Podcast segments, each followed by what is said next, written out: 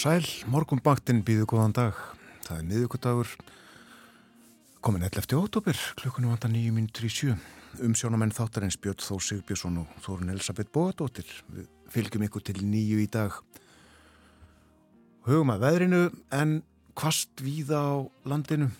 Hefur verið í nótt, já uh, gær. En uh, heldur sínist okkur að, að uh, takja að læja núna eftir því sem líður á morgunin. En í höfuborginni Reykjavík var fjúrastega hitti og uh, að 18 metrum á sekundu í mestu kviðum, annars norðan 7 metrar. Tveggjastega hitti á Kvanneri og norðustan 6, kvassara í kviðum, allstaðar kvassara í kviðum, talsvert kvassara sömstaðar.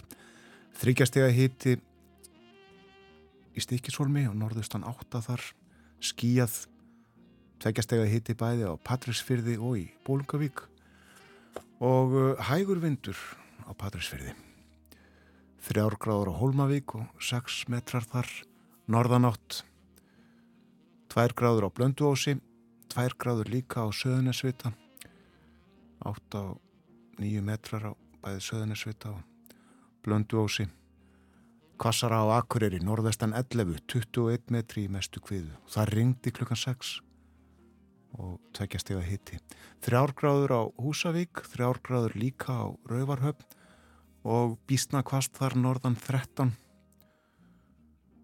Ámóta veður á Skeltingstöðum, þryggjast ega hitti og 12 metrar á sekundu. Fjóragráður á Eilstöðum, norðustan 15, sló í 23 metra á sekundu í mestu kviðu. 60 hitti á höfni í Hortnafyrði og norðan 15 metrar, 6 gráður á Kvískerjum, norðan 10 þar 5 gráður á kirkjubæðaklaustri og norðvestan 15 fór í 20 í mestu kviðu. Fór í 25 metra í mestu kviðu á Stórhauða, fjúrastega hitti þar. Þryggjastega hitti í Árnesi og norðvestan 8. Frost á Hálendinu, einstiks frost til dæmis í Veiðivatnarhaunni og á Káranhjúkum, þryggjastega frost hverjaföllum, fjúrastega frost á Sandbúðum og mjög kvast á hálendinu. En uh, ég fór ekki með fleiburþórunni þá þegar ég sagði að, að það ætti að taka að læja. Nei, þú gerir það ekki. Það er minkandi norðan og norðvestan átt í dag. Eh, það verða þó 15 til 25 metrar á sekundu og söðaustur og austurlandi með morninum. Áfram í gildi viðvaranir þar fram eftir mótni sumstaðar en fer síðan að læja og mun hægari vindur annar staðar á landinu í dag. Dálítil slitta eða snjókoma en þurft að kalla vestan til og sunnan til. Og hitin í dag yfirleitt á bylunu 0 til 5 stig. En uh, það er hins vegar vona á næstu lægð, hún fer austur í nótt og á morgun og uh, það hversir. Þannig fylgir hvers norðaustanátt og þá má búast við stormi og róki við söðurströndina fram yfir hádegi á morgun. 10 til 18 metrar og 15 til 23 siðist framann af degi á morgun. Og slitta eða snjókoma með köplum sama hittastig og í dag 0 til 5 stig. En að mestu þurft suðvestarlands setnipartin á morgun. Það sem sagt lægir en hversir á ný strax í nótt Það er vetrarfærð íðsvegar um landið og uh, ringvegurinn lokaður um Mívas og Mörðardalsörafi sem á að melli Breitalsvíkur og Hafnar og vegurinn um Víkur skarður líka lokaður og uh, hálkublettir víða til dæmis á Helliseiði, á Bláfjallavegi og á veginum um Kjósaskarð. Það er ófært um Bröttubrekku og snjóþekja á Holtaverði heiði og á heiðum á vestfjörðum er ímist eh, snjóþekja hálka eða hálkublettir og eh, krapi sumstaðar, þungfært á þverjarfjalli, þæfingsfærð á Vaskarði, krapi á Östandalsheiði og eh, krapi eða hálkublettir á nokkrum lálendisvegum á Norðurlandi líka, hálka í húnávarsýslinum báðum og uh, fyrir austan það er Krapi á Faradal og á Fjardarheiði víða all kvast á Östurlandi þetta er staðan á þjóðunum núna í morgunsárið uh, á uh, miðugudegi 11. oktober. Ímislegt á Darskrá morgumvaktarinn er í dag, við förum yfir það allt saman eftir eh, fréttinnar sem við fáum eftir fjórar mínútur en er eitthvað að setja eitt lag á fónin. Jú, heyrum uh, kvartett einar skefing flytja hvert örstutt spór.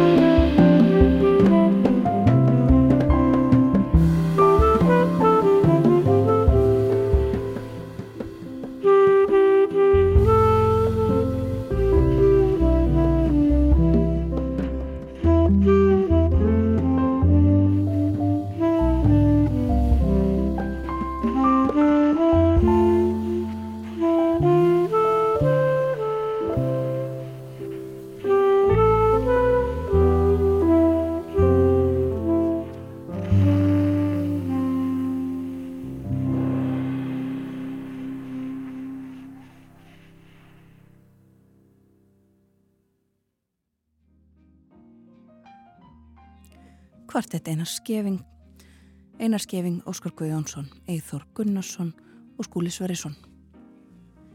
Frettir eru næstar á dags frá morgunvættarinnar.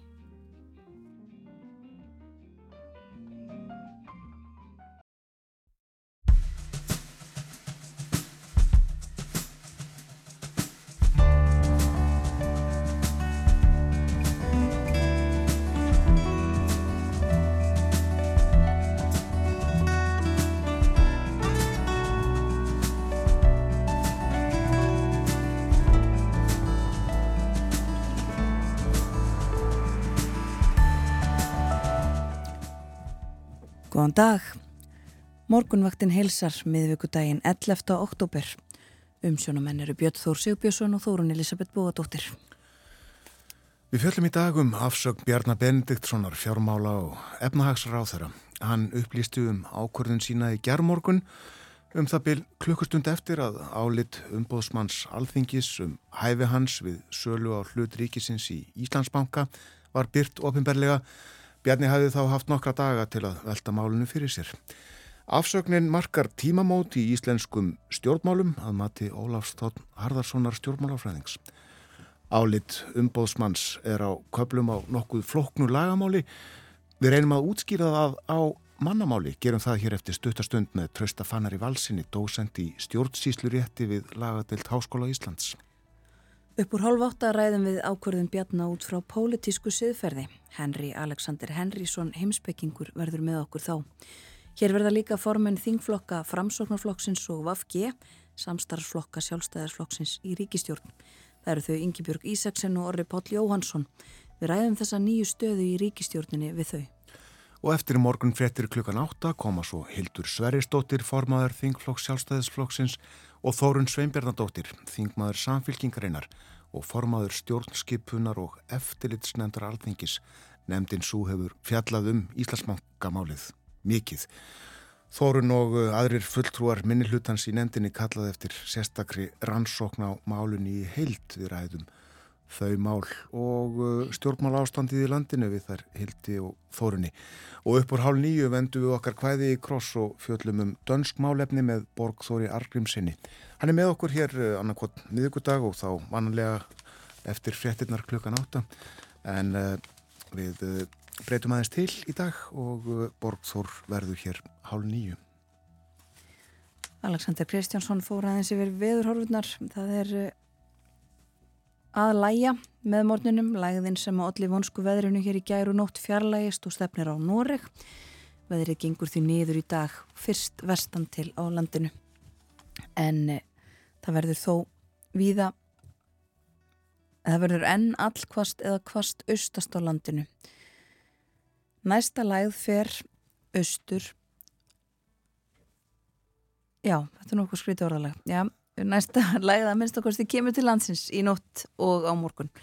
Henni fylgir nokkuð kvöss norðaustanótt og uh, það veður því veður eftir því fram yfir hátegi og morgun og slitta eða snjókoma með köplum en að mestu þurft norð-suðvestanlands setjumpartin á morgun. Hitin bæði í dag og á morgun uh, 0 til 5 stig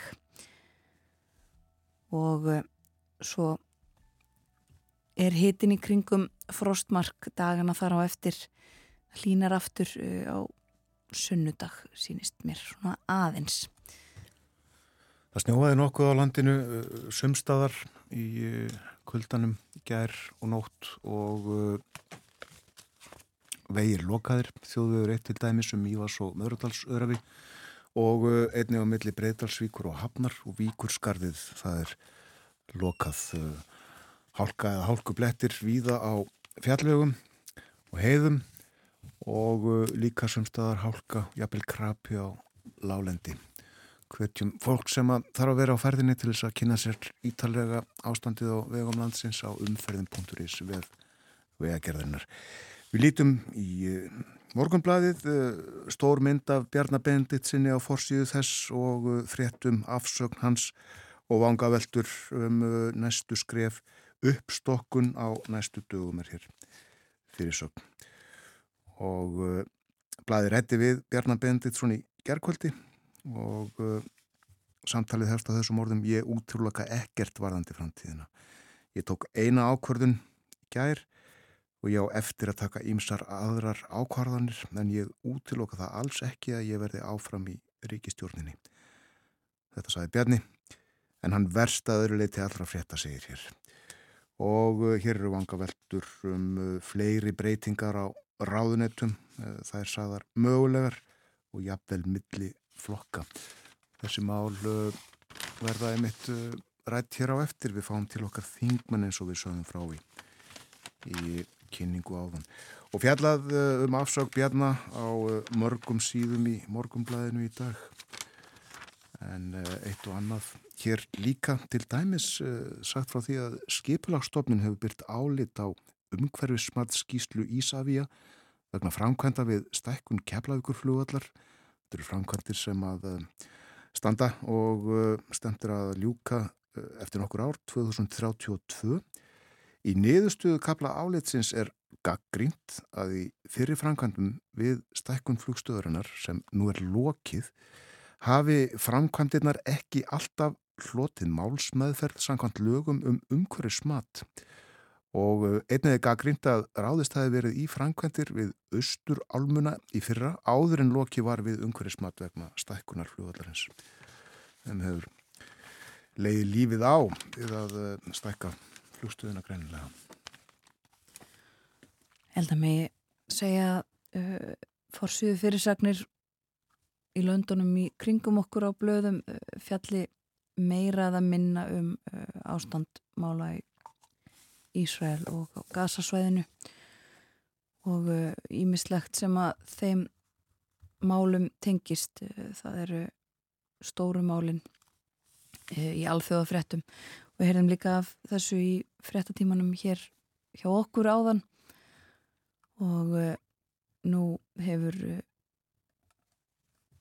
fjöldi látina eða tala yfir fjölda látina alltaf að hækka um, vegna þess að uh, það er enna að uh, verða að fara í gegnum þau svæði sem að ráðist var á um helgina.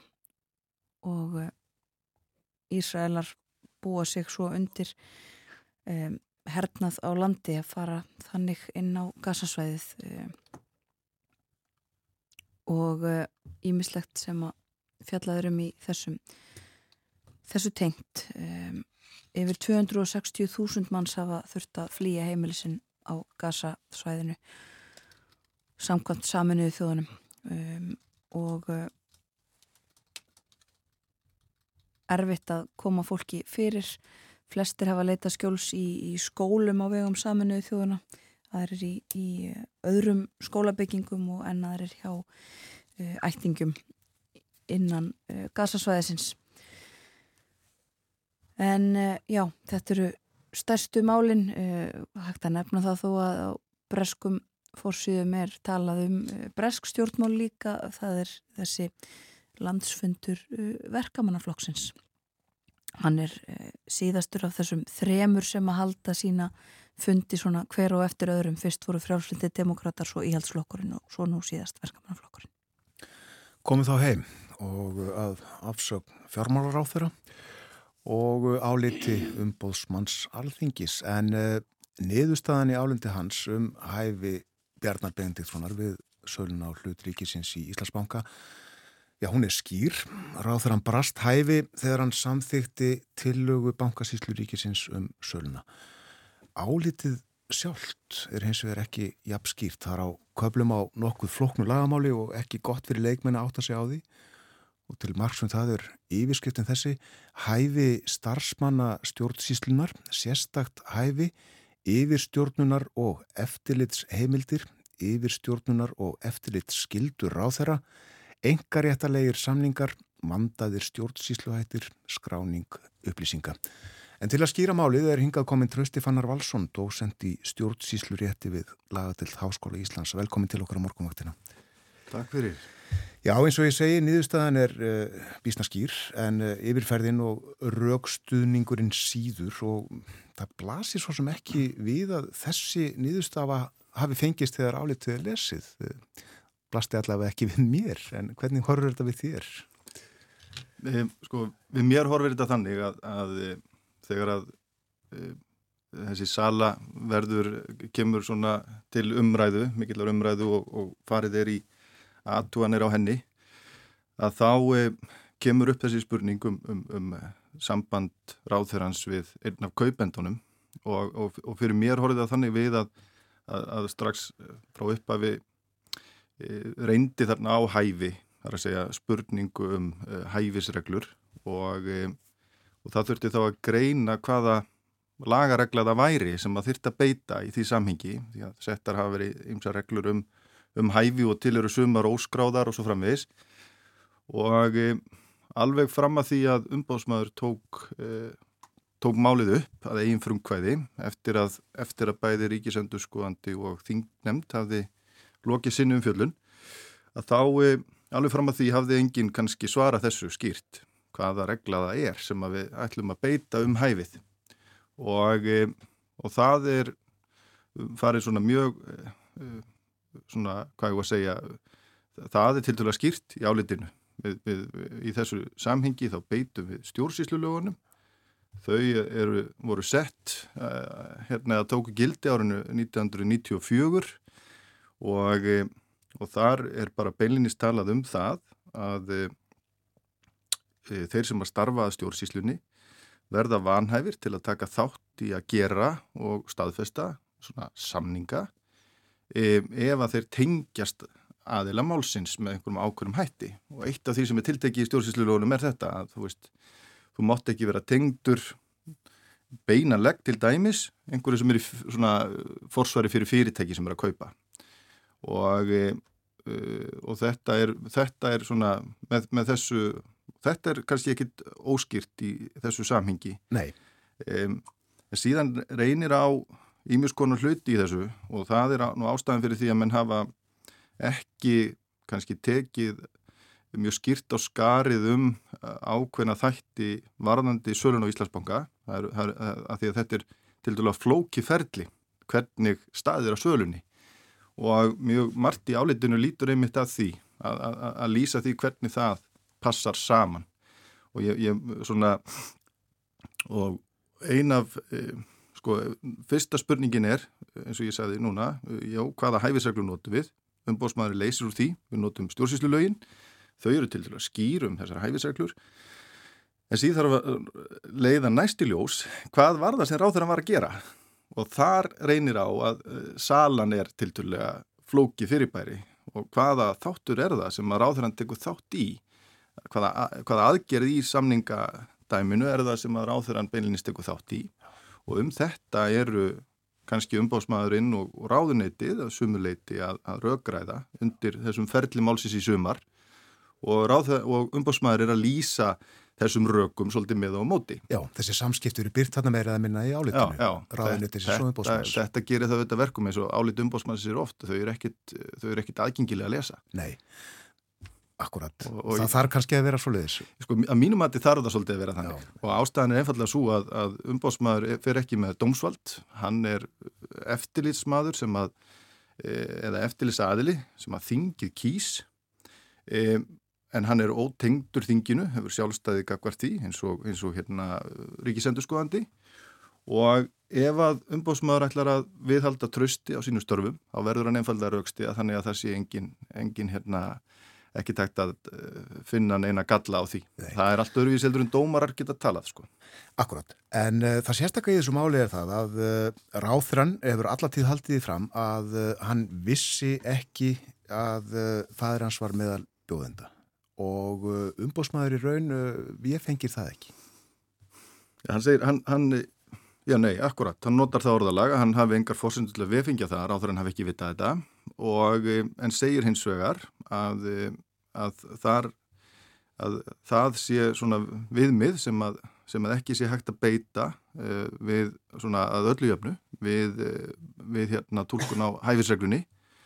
Og ástæðan er einfallega svo að, að hæfisreglunar eru settar upp þannig, sko hæfisreglunar, svo, svo ég kom með þessu, þær eru, svo ég fara nú að nota þetta tæknilega orðalag sem að, sem að hennar getur verið snúið í þessu, þessar reglur eru settar upp til þess að minga líkunar á því að einhverju sem að tengjast máli eða hafa hagsmun að gæta taki þátt í að undibúa mál og taka ákvörðin í því. Og þær eru þetta alls ekki fullkomnar, þessar hæfisreglur, en það er bara valið þegar þær eru settar, þær, þær eru ekki fullkomnar að því leiti að þær koma ekki í veg fyrir öll hagsmunatengsl og þær koma heldur ekki í veg fyrir það að ef að einhver ætlar að fremja lögbróti í stjórnsýslunni að hann geri það, þær koma alls ekki veg fyrir það. Er, þeim er ætlað að minga líkunar á því að það séu þessi tengsl fyrir hendi. Og, og eru þannig ákveðin svona brjóstvörn eða vikeringi kringum ákveðina hagsmunni og þegar að e, hérna, þetta kemur upp sem sagt að, að e, að menn, maður veit það setja svolítið stránga reglur til dæmis um að maður má ekki afgreða e, mál eða taka þátt í samningagerð þar sem að gagnaðilinn eða svo sem er að snúa sér til stjórnfaldana er skildur manni eða, eða giftur eða hefur verið giftur sko eða, eða þetta getur verið svolítið stór hópur sem að fellur undir þess að skildleika vanhæfi. Og e, ef að maður segir ef að starfsmönnum stjórnsíslunar er, er er, er gert kleift að segja einfallega eftir á, ég viss ekki að þá eru við þetta búin að grafa undir reglunum þannig að þeir virka bara ekki lengur Nei. og þetta er hérna, þannig að þetta atriði verður að hafa í huga þegar, þegar reglunar eru settur upp þannig að starfsmenn í stjórnsíslunni, hvort sem að þeir eru á þeirra aðrir, þeir verða einfallega svolítið að skipulegja málsmeðfyrina og skoða hverjir eru hinum einn til þess, að, til þess að passa upp á þetta. Þa, það er þeirra skilda. Já, þetta er, já, má er það ekki segja að sé tvíþætt, það er annars vegar það að, að hann brast hæfið eh, sankant álitinu og svo gerir umbósmaður býstna alvarlegar aðtöða semti við það að, að hverki í undirbúningi málsins uh, var, uh, voru gera ráðstafanir til þess að uh, meta hæfi. Já, sko, hverki undirbúningnum eru gerða ráðstafanir til þess að, til þess að meta sko hættuna á því að þessi aðstaf kom upp. Akkurat. Þetta við sagt. Já.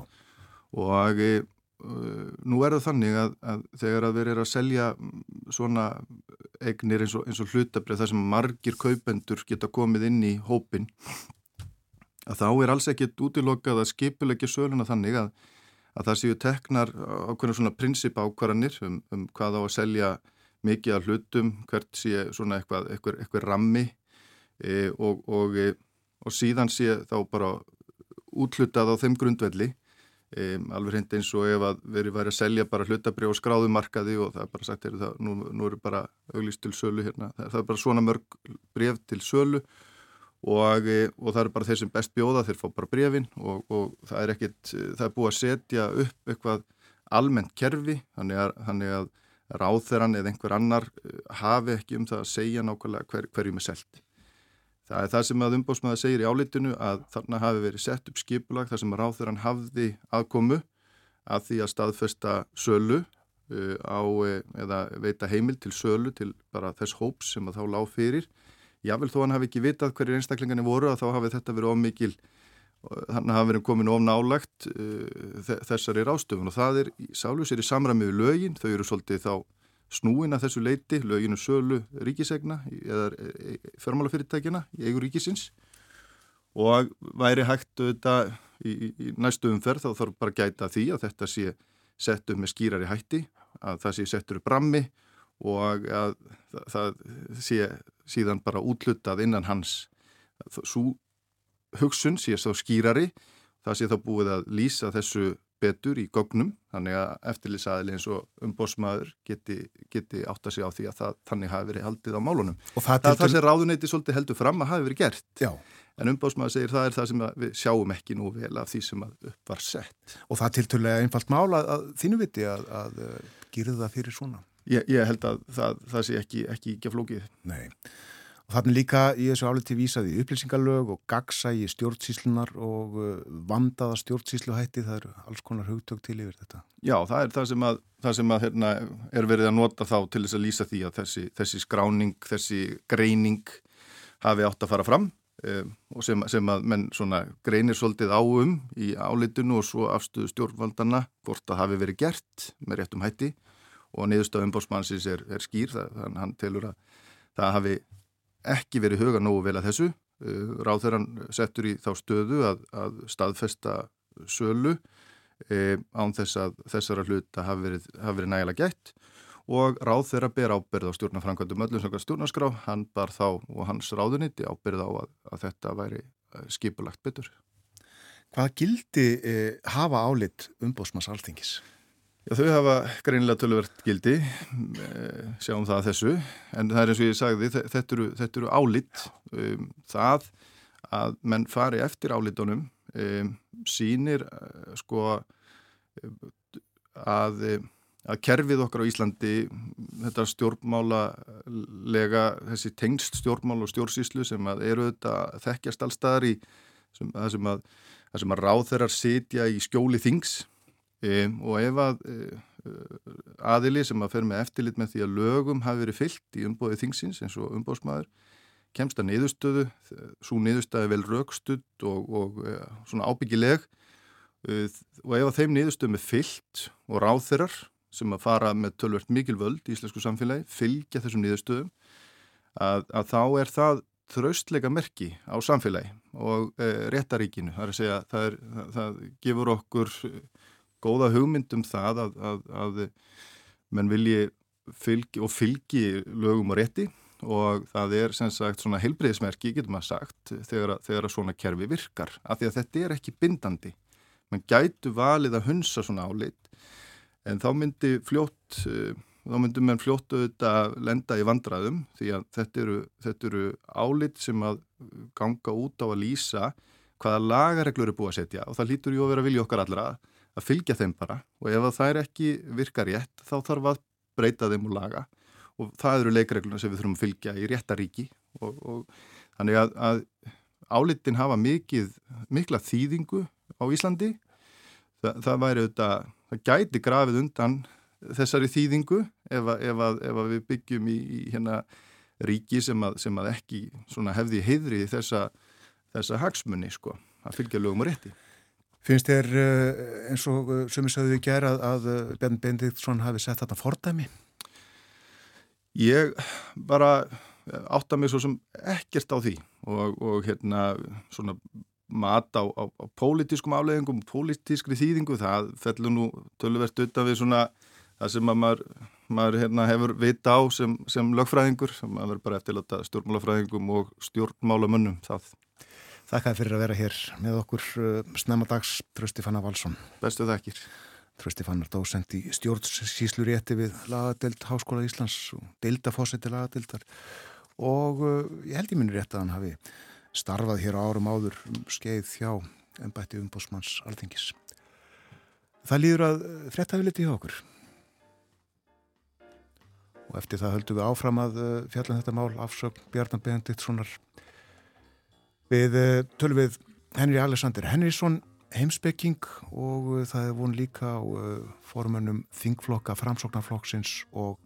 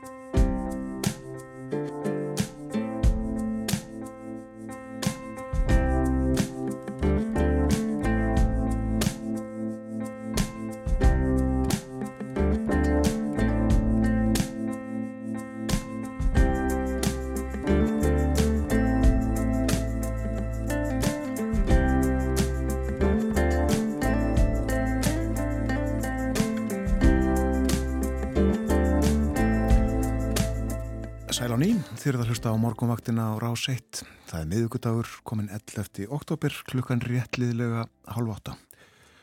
Og verið frekar leðilegt en þá, mjög víða, en uh, á að batna þess, uh, á að læja á landinu eftir því sem líður á daginn. Falla þá úr gildi þessar viðvarnir sem það ímest eru gular eða appisnugular, gular eða rófustöppu gular eins og einhver orðaðið það. En... Óferð á vegum sumstaðar og uh, annar staðar hálka, krabi eða snjór. Segjum þetta gott af uh, aðstæðin í landinu, höldum áfram með uh, mál-máluna hér í þættinum í dag sem er uh, afsök Bjarnar Benediktssonar úr ennbætti fjármála og etnarsráð þeirra í gerð. Já, hjá okkur á anvar Trösti Fannar Valsson, dósend í stjórnsýslirétti við Háskóla Íslands, um, talaði svona um uh, þetta álit, reynda að útskýra það fyrir okkur á mannamáli um, og Næst ætlum við að tala um siðferðið í þessu um, og uh, í símanum er Henry Alexander Henrysson heimsbyggingur. Góðan dag Henry. Já, góðan dag. Í gær var sagt, uh, þetta eru tímamót, hann er maður að meiri, axlar ábyrð, um, sko við höfum áður rætt um þetta axla ábyrð í þessu máli. Hvernig horfir ákvörðum bjarna við þér? Jú, sko, það er áhugavert að ég var hérna í sístu þætti ykkur að rást tvö í sístu ykkur að ræðum tvær hérna norska stjórnmálakonur og hlutabrjákaupp eigimannu þeirra og hvernig þær getur axla ábyrð á, á, á þeim málum öllum. Og þá rættu við aðeins að umræðarnir svona fóru út í það að ræða Bjarnar Bendisson og þetta mál. Ég, ég vissi svo ekkert að ég áttaði mig ekki á því að álit umbúrsmanns var á leiðinni. En þá rifjaði ég nú upp sko alveg að ég fannst alltaf mjög áhugaverst á sínum tíma þegar þetta kemur upp sem sagt listi við kveipendur kemur fram og, og umræðan fyrir í gang og já, ég manna ég fór nokkur viðtöl út af þessu og mér fannst það frekar augljóst að þetta gekk ekki, gekk ekki upp að það er fjármjölur á þeirra að vera að kaupa í bókunum. Ég man sko að þegar náðurslásins í bjarna á þeim tíma að, að, að, hérna, þá var hann fljótur að viðurkenna að þetta væri bara alls ekki læg. Og hann var svona, stundum bísnaði við stjórnmálamönnum að svörum verða þau að við skulum sjá í næstu kostningum og hver, hvernig þetta fer, hvort að mér verða áfram treyst. En Bjarni á sínum tíma var mjög fljótur að segja að þetta væri bara bísnaslæmt og bara alls ekki nógu gott. Og hann hefði gerðnan vilja að það er hans hefði ekki kift í bankanum.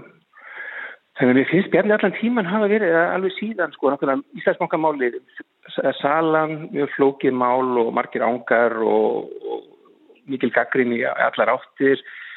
Bjarni Bendisson var ekki að fara að segja af sér út af Íslandsbankasölfunni í heilsinni.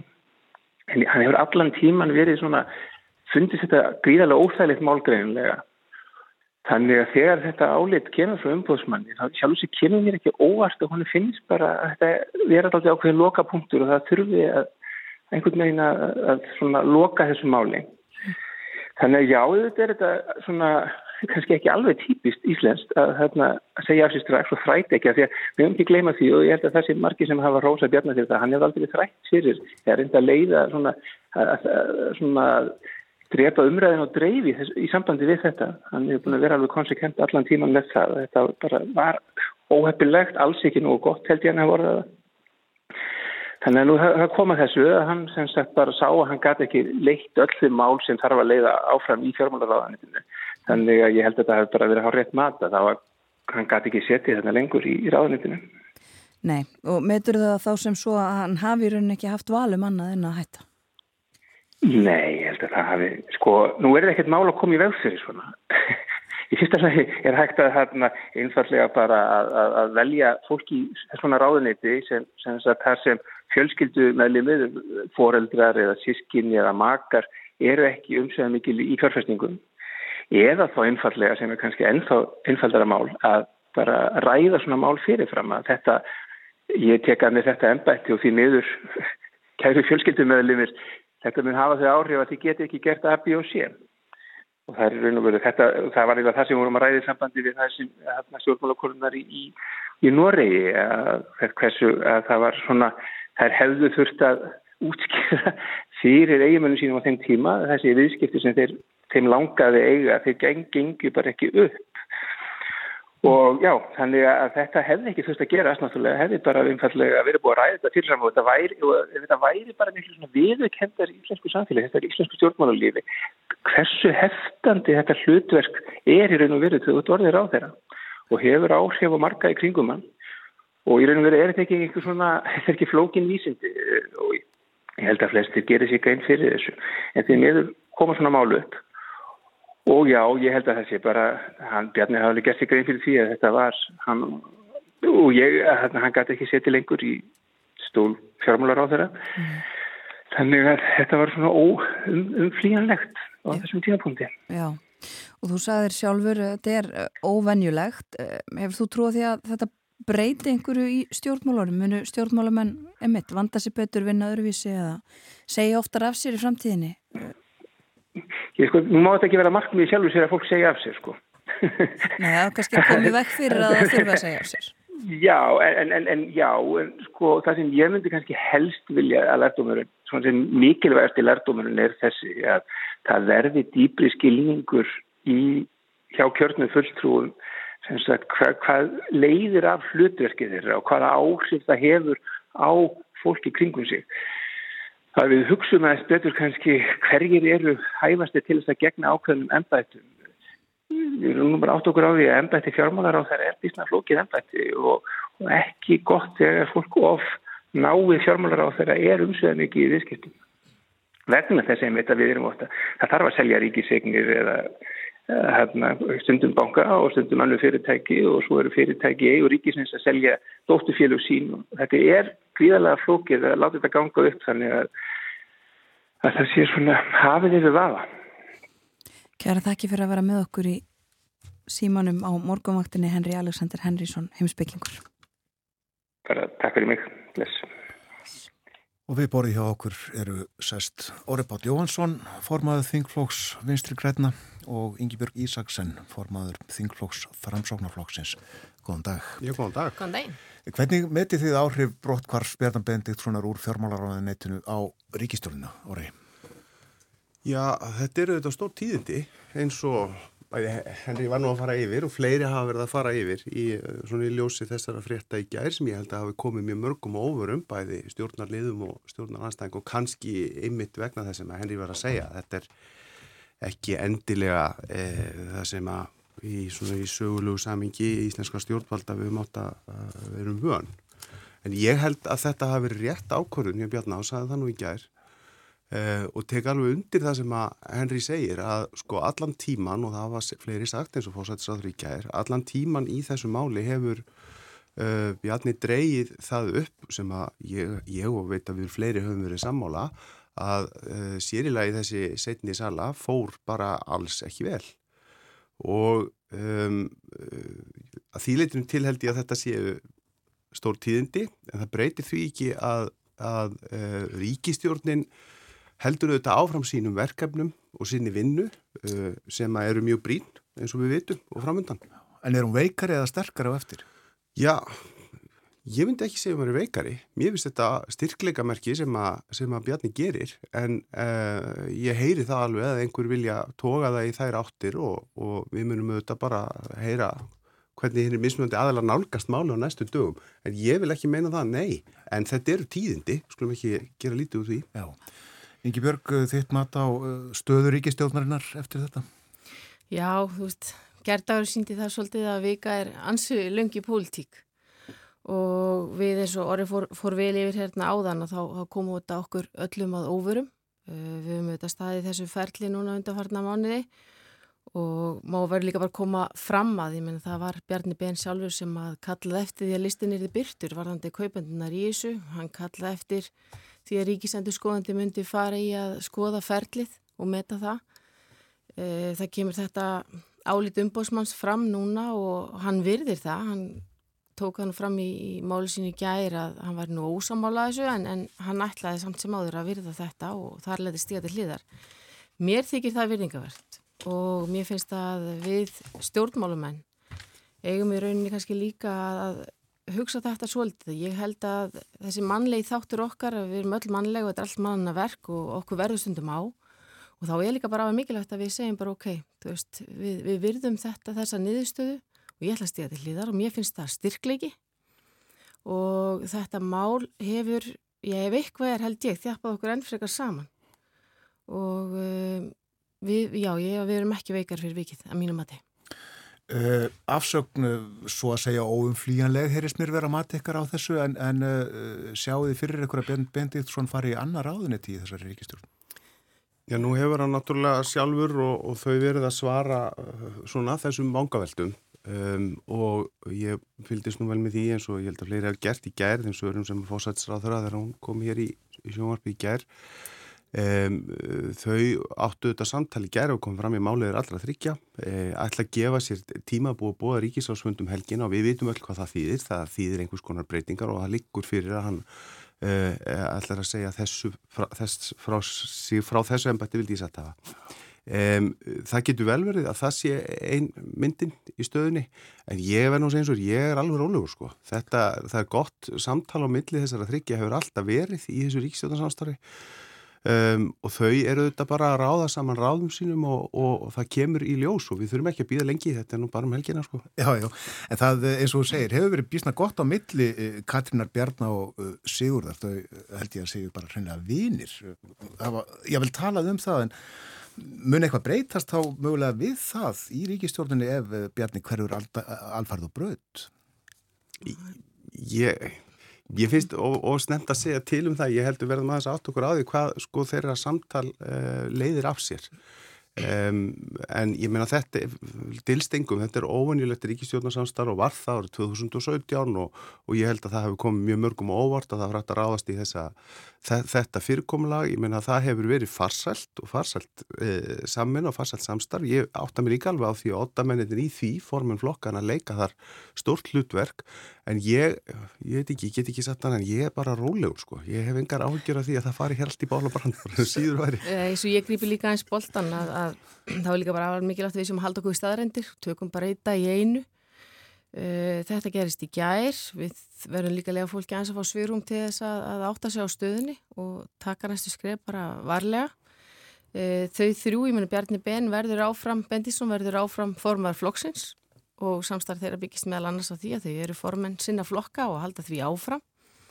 Og það hefur verið mikið, ríkt mikið tröst á millið þeirra og þú komst inn á það að, að þeir var jafnvel vinnir, það, það má vel vera að, að svo sé en það er einmitt svo mikilvægt að þeirra svona óliki flokkar er að starfa saman að það ríki tröst á milli eh, oddutana þeirra. Og eh, þau hafa tekið þessi samtöl og hafa verið upplýst um stöðuna og munu taka eflust tón okkur samtölu núna fram að helgi mm. þar sem að þetta skýrist og þannig að tímaramin er ekki langur. Hann er út þessa viku og búið að búa til uh, þess að verði ríkisrásfundur núna á lögadaginn en við mögum heldur ekki gleyma því að það hefur í rauninni mikið gerst á tímum þessar ríkistjórnar bæða síðasta kjörtempili og núna. Búið að gangi gegnum erfiða tíma búið þurfa að taka erfiðar ákvarðanir og ég tala nú ekki um verkefni sem eru framöndan og það eru stór verkefni framöndan og við verðum að axla ábyrð á þeim þegar við erum að horfa til dæmis á það að það líka fyrir kæra samlingavirðar og sem þegar við byrjaðum að undibúa og við erum að sjá verbulguna og, og fyrirtæki og, og fjölskyldur í vanda. Þetta er eitthvað sem þarf að ráðast á og við erum samhendi því að e, við ætlum að taka höndum saman og þetta verður verkefni nr. 1, 2 og 3 hjá okkur. En það eru þetta alltaf verkefni í stjórnmálunum sko. Það eru, Svo er þetta alltaf... trommu upp með það núna að það séu svo óbúslega mikilvæg verkefni, en það Þa, er alltaf verkefni. Þetta, er, þetta eru stór verkefni sem blasa við. Ég held að engi geti, geti dilt um það að þegar við erum að sjá verbulgunum með þessum hætti. Selbanki Íslands, uh, hann hækkaði ekki vextinni sín í síðustu viku sem mikið fagnar efni, en við vonum við séum að, að þreyfast í rétta átt. En þetta er stort verkefni og ég held að það sé afar mikilvægt að við tökum höndum saman og, og vinnum í átt að þeim. Já, en sko eh, að því þú nefnir þetta með Ingi Björg sko, þau eru þrjú, oddvindarnir og, og það byggir svolítið á þeirra samstarfi, myndi það ekki flækja málinn og flækjast fyrir þessum stóru verkefnum ef að einn af þessum þremur oddvindum sæti allt í hún ekki við ríkistjórnaborðið, það verður þá komin einhver annar en í fjármálraðunitið að því það byggir auðvitað kannski líka á því að Bjarni hefur sitt í fjármálraðunitinu og þar eru auðvitað eh, margir þræðir Jú en eins og ég segi, ég held að það sé bara mikilvægt núna að við séum bara að, að horfa þessar staðrændir stuðuna í dag, ekki vera kannski að hugsa hvað gerist, ef þetta gerist eða hitt, held að sjá bara hvað hva tími leiðir í ljós og, og það munu eflug skýrast allt saman um helgina. Já, maður kannski segja þessu samkí, menna fjárlögin sem sannalur borin uppi að fjármálu efnarsáþara er enga síður sko, verkefni sem við öll í ríkistjóknir stöndum að baki, þau liggja fyrir, eru komin í, til þinglegar meðferðar og eru til umræðið þinginu, það skiptir mála að ganga frá því fyrir áramót til að mynda því að það er alveg rétt sem segir, það er alltaf stórmikil verkefni en þau eru líka þannig uppsett að þau eiga að hjálpa til við þetta efnaðarsástand sem við búum við sem er jú tilkomið eins og við þekkjum af í kjölfara heimsfaraldur koronavirunar, í kjölfara þessar stríðs og stríða sem að greinlega logar allur heimurinn sko. Um, þannig að það liggur fyrir að þarna hafa þessi þrýr flokka komað sér saman um að, að leggja uh, þetta inn í púkið og púlíuna þannig að, að það er sannlega verkefni sem erður að vinna það áfram og ég held að við séum sammála því, eða ég tel okkur vera það allavega í, í meilundarsamstarfinu og mér hefur fundið samfélagsumröð að vera þannig að það skiptir rosalega miklu máli líka að það sé ákveðin fyrirsjáðanleiki inn í stóran kjaravettur. Kjaravetturinn er ekki okkur um einasta vettri, sko, uh, og þetta er eitt af þessum maturðum sem að við höfum uh, lagt ríka hásla á að, að geta unnið með og unnið á til þess að, að, hjálpa til við ástandi í, í landinu og ég fulla trú á því að við getum alveg haldið dampi í því máli hvernig svo sem mál skipast í framhaldinu. Það kemur í ljósum um helgina. Já. Eh, við svona tilefni skapast tækifæri eða geta gert það. Finnst það eitthvað tilefni til þess að endur skoða eh, verkaskiptingu stjórnarflokkana? Færa ráðunetti millir flokka? Um, í ljósi þessara tíðinda já, nú, ég vil nú eiginlega bara sem minn segja um það því ég vil aðeins átta mig á því hvað í, í rauninni kemur út úr þessu þessu samtali þeirra þryggja formannana með það sem að þau eiga svo endurspeiklin í hverjum þingflokki.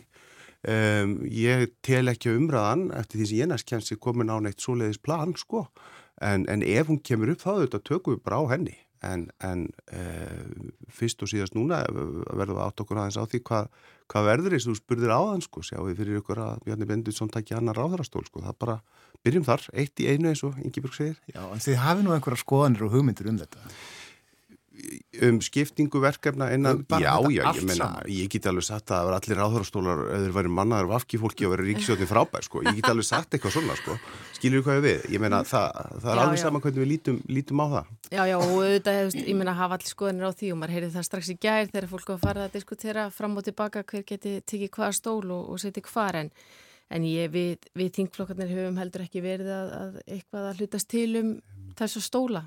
Heldur höfum við bara, En það hefur blasað til dæmis lengi við að, að uh, Lilja Alfredsdóttir geti vel hugsað sér að vera fjármálaráþara.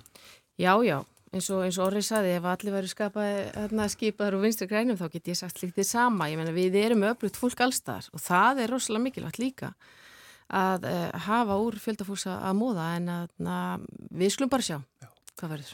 Þið eruð uh, nokkuð ána með þessa ríkistjórn, uh, finnst hún hafi staðið sér vel. Hvers vegna uh, er fylgið uh, hennar og stuðningurinn við hana og fylgið stjórnarflokkana uh, þá ekki meiri en raunberuvitni? Já, þetta er góð spurning. Sko, um, ég held nú reyndar að, að það sé nú kannski sammert með öllum ríkistjórnum og öllum tíma og alltaf verður nú verkefni mikilvæg eins og þú segir þér á þann. Að, að fylgi dalar þegar líður á, ég menna horfum á nýja ríkistjórn bara í Danmörku sem er nú einmitt svona samsett einhvers konar brú þvert yfir einhvern politist spektrum. Um, þannig ég hef nú svo sem ekki dómiklar ágjöru því en það breytir ekki þeirri stöðu að efnahagsástandið er hart í samfélaginu og það kemur við öll í, á öllum öngum. Uh, það kemur sérstaklega hart niður á þeim efnaminnu og einhverju liti milli, svona millitekjufólki um, og mér finnst alls ekkert óvinnlegt að, að fólk síni ónægu sína í, í skoðanakönnunum þegar að, að það finnur fyrir því til að mynda í veskinu. Annað væri nú kannski skrítið, við snúið þessu nú á, á kolf, en þá er aftur þetta, ég meina, höfum við elju og, og tröst og þor í að halda áfram og taka á málum eða viljum við bara segja, heyrðu, hér er segja skoðanakannanir að það sé áhuga á einhverju öðru samingi og mér finnist ekki rökrætt í alveg tala þegar að uh, í fyrsta sinn í 60 ár ríkisjóta meirluti bætir við sig á milli kostninga eins og gerist frá 17 og svo aftur 21 þá finnist mér það að vera svona ekki alveg eðlilegi fyrsti valkostur að segja, heyrðu já þetta er augljóst að, að þetta gengur nú ekki svona en það, það gefur á. En, en ég hef líka fulla trúið því við náum verðbólkunni niður, við sjáum teiknum það það er augljóslega eitthvað í tölunum hjá Sælabanka sem gerir það verkum að hann uh, það er ekki þeirra til að hætta stýrivexti áfram sem betur fyrr Nei. þannig ég hef fulla trúið því að það kom aftur voru í dal Ingi Björg, ertu sammálað þessu uh, þegar uh, verðbólka og vextir fara upp þá fyrir fylgir ríkistjórna niður? Það er oft línlegt samvikið þarna á milli. Það, það verður að segja þess að er og ég held að það sé alveg saman hvað flokka væri við stjórn í þessu efnaðs ástandi að það myndi eðlilega hafa áhrif á fylgið. Og það er leið fólksins sem mittlis að sína óanægu og maður skilur það mæta vel. Kjörtjömbili er fjögur ár, það er bara hálnað, þannig að eh, við erum hverkið baki dottin, við ætlum að halda áfram með þessu verkefni og verðum að takast á við það. Það er stórt og mikilvægt og þarna, e, ég treysti, já, ég treysti einhver flokkum betur til þess. Haldið þið að uh, eitthvað minni breytast til frambúður í stjórnmálunum við þessa ákvörðum? Ég, ég held þetta séu tímamót sko, ákveðin tímamót og tíðindi eins og fleiri hafa sagt og, og mér svona vitrar fólk í þessu, ég menna við erum hlustu Óla Þótt Harðarsson hér í gerð sem við mörg hlustum á þegar eru svona uppi. Já, ég held að það geti, geti gert það, geti haft áhrif á það. Um, og ég menna það sem Henry var að segja á að þetta er afskaplega mikilvægt en það er líka mikilvægt að við höfum tröst á okkar stopnunum Ég meina nú hafa tvær stofnarnir sem að gegna þessu eftirlitslutverki þinginu ríkisendurskoðun og, og umbósmaður skila niðurstu í þessu umdeldamáli. Við erum líka með bodið stjórnskipunur og eftirlitsnefnd sem hefur fjallað um þetta aftur og baka og áfram. Fjármóla eftirliti sem við hluta Sælabankanum skilar mjög skýri niðurstu og er ekki búið í sinni vinnu og ég held að það sé mjög mikilvægt að við höfum tröst á okkar ofnbjörnum stofnunum þegar eitthvað gefur á og bjátar á og þarf að skoða það. Og mér finnst í niðurstöður þessara eininga allra saman sína það að við getum haft það. Já, Já ég held sér líka, líka mikilvægt að, að hafa það í huga að tröst kemur ekkert með lofurum, það er áunnið. Og það er hver og eitt sem verður að líti sín eigin barm og ávinna sér einn tröst almennings til þess að vera kos, kosin aftur uh, vilja hann bjóða sér fram. En, en hvort þetta hafi áhrif á okkur, já eflaust og það er líka mikilvægt eins og orðið kemur inn á að við virðum álit þessara stopnana og aðhaldið sem þau að sína okkur, það er einminna meðal annars hlutverkið þeirra og við höfum byrja virðingu fyrir því. En svo er það líka þannig að eflaust er þetta líka mismöndi á milli mála. Þetta tiltekna mál fór með þessum hætti svo geti annar mál komið upp og farið með öðrum hætti. Maður þarf kannski að meta það eflaust hvert skipti og hvert mál fyrir sig. Verða eh, þingflóksfundir hjá okkur í dag? Já, þeir eru nú, það er nú hefbundin þingflóksfundartími með klukkan 1 og 3, þannig að já, ég mun hitta mitt fólk að vanda. Já, það er eins og okkur. Takk ykkur fyrir að vera hér á morgunvaktinni. Takk, Takk fyrir okkur. Voru Páll Jóhansson, formaður þingflóks Vafgi og Yngibjörg Ísaksen, þingflóks formaður Framsóknarflóksins. Við heldum áfram að fjallum þessi mál eftir frettinnar sem eru næstar á dagskrá morgunvaktarinnar. Já, loknum frettum þá verða hjá okkur Hildur Sveristóttir, þingflokksformaður sjálfstæðarflokksins og Þórun Sveinbjörnadóttir, þingmaður samfélkingar og formaður stjórnskipunar og eftirlitsnemdar sem að eh, fjalla hefur tölvert um Íslandsbonga sölumólið.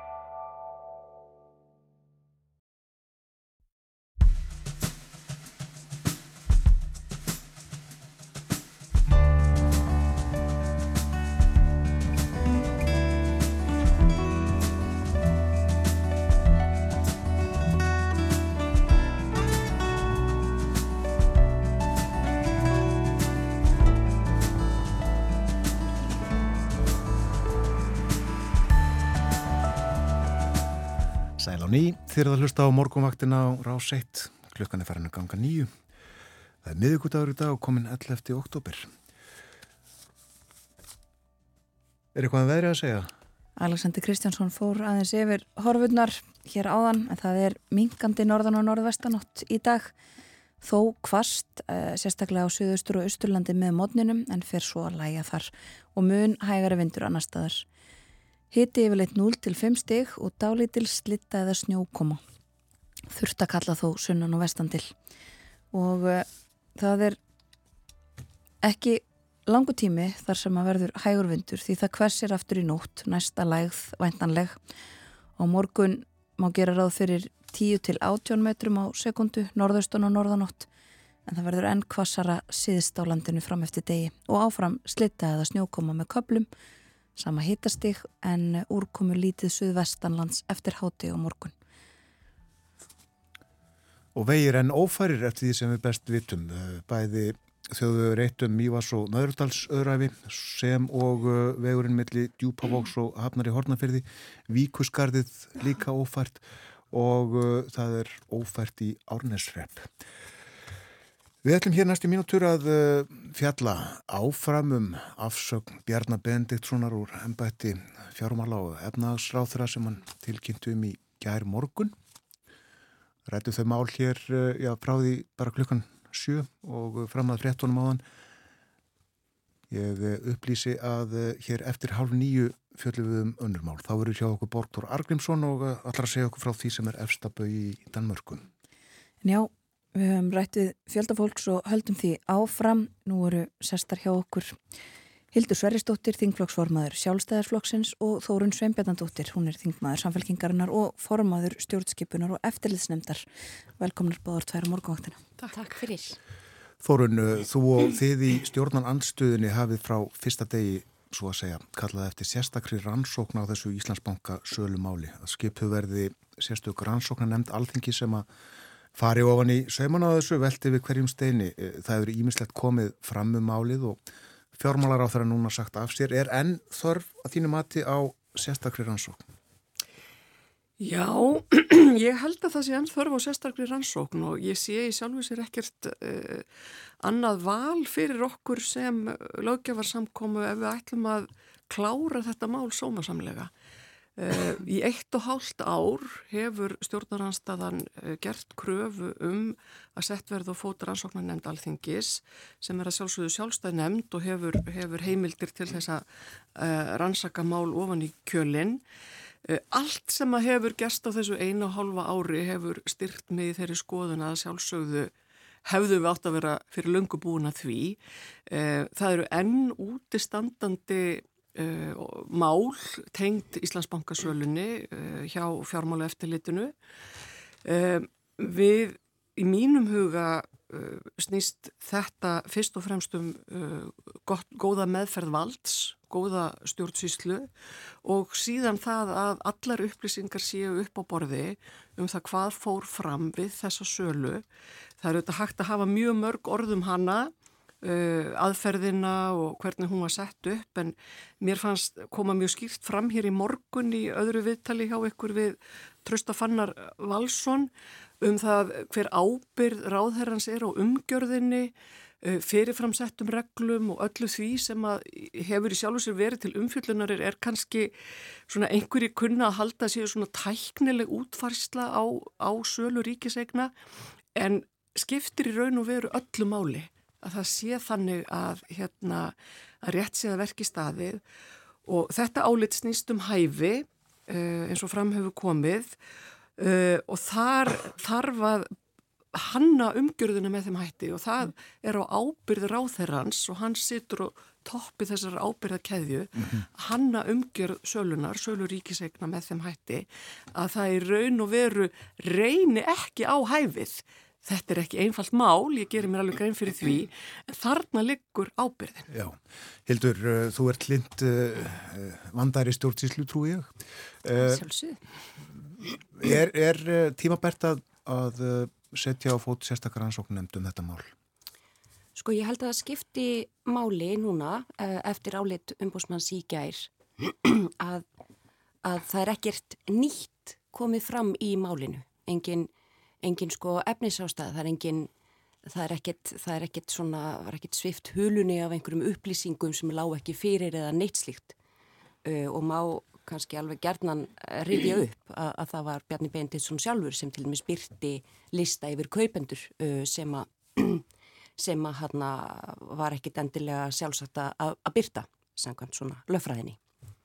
Um, þannig að það sem að segir í álitu umbósmanns er löffræðileg tólkun umbósmanns á þeim atriðum sem lágu fyrir og ég held að þetta bara svona skipti máli uh, þar sem að, að, að svo fólk sé ekkit að, að velkjast í vafum að eins og segja það hafi ekkert neina ekkert svona nýtt skrið undan steini ef við svo má segja.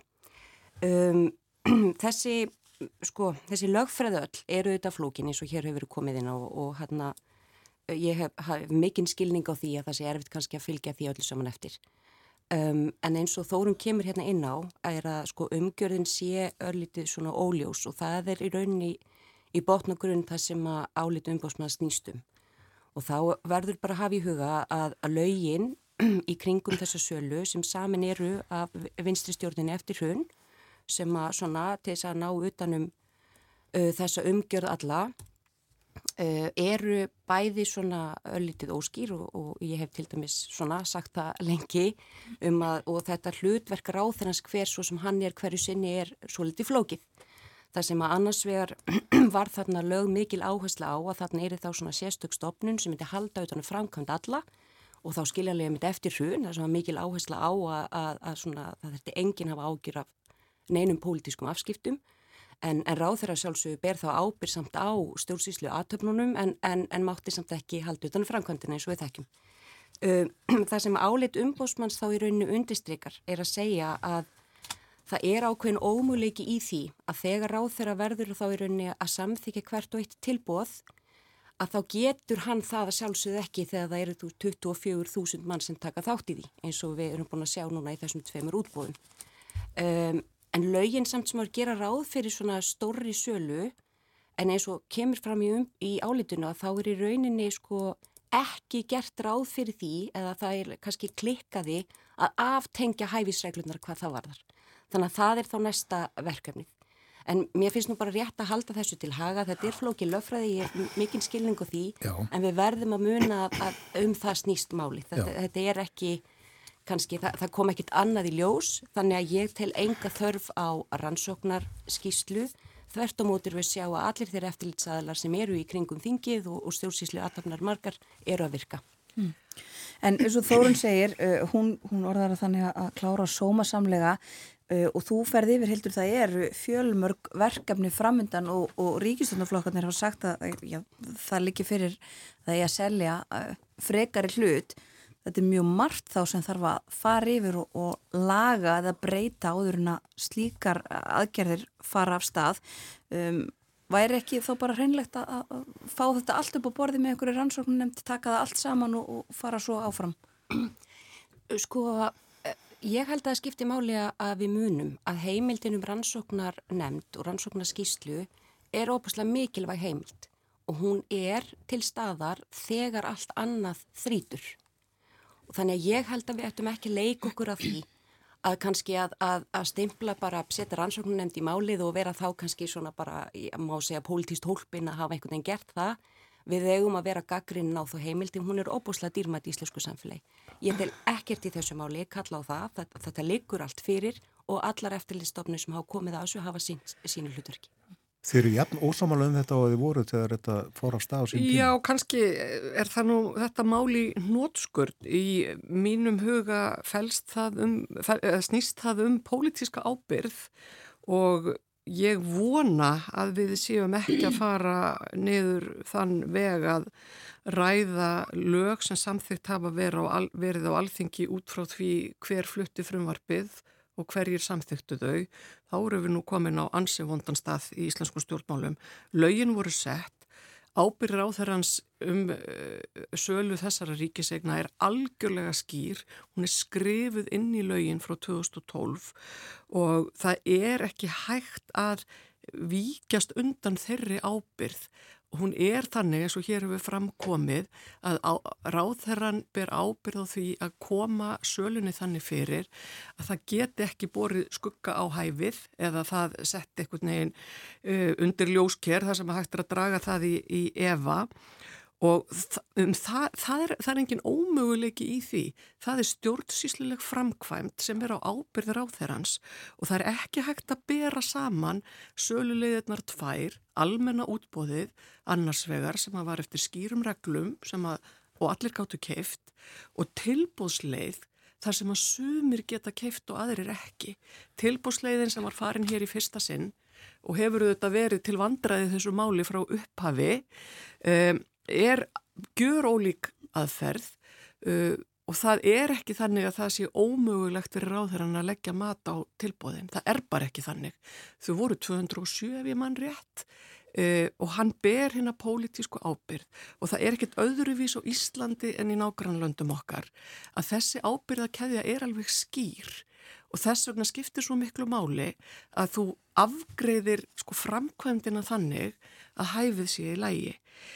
Ég held að við verðum líka bara orðaða þannig að sko, ráðherradómur er ekki engamál og þess vegna var það sérstaklega mikilvægt í tilviki þessa ráðherra að koma því þannig fyrir að það væri ekki hægt að bera breyður á söluna mm -hmm. og mér finnst það að vera svolítið lekil atriði í þessu að þau við sjáum það líka í dæmum sem eru nýleg til dæmis frá Noregi að það er bara sko einfalt mál og þess vegna eru við með hæfisreglu stjórnsýslulagana að þeir sem að næstmanni standa og eru venslaðir hafa áhrif á valdið sem þú ferð með. Og þetta eru þetta þetta er ekki einfalt mál og þetta getur verið erfitt og þetta er ekki alltaf mjög sangjant út frá persónlegum hagsmunum fólks.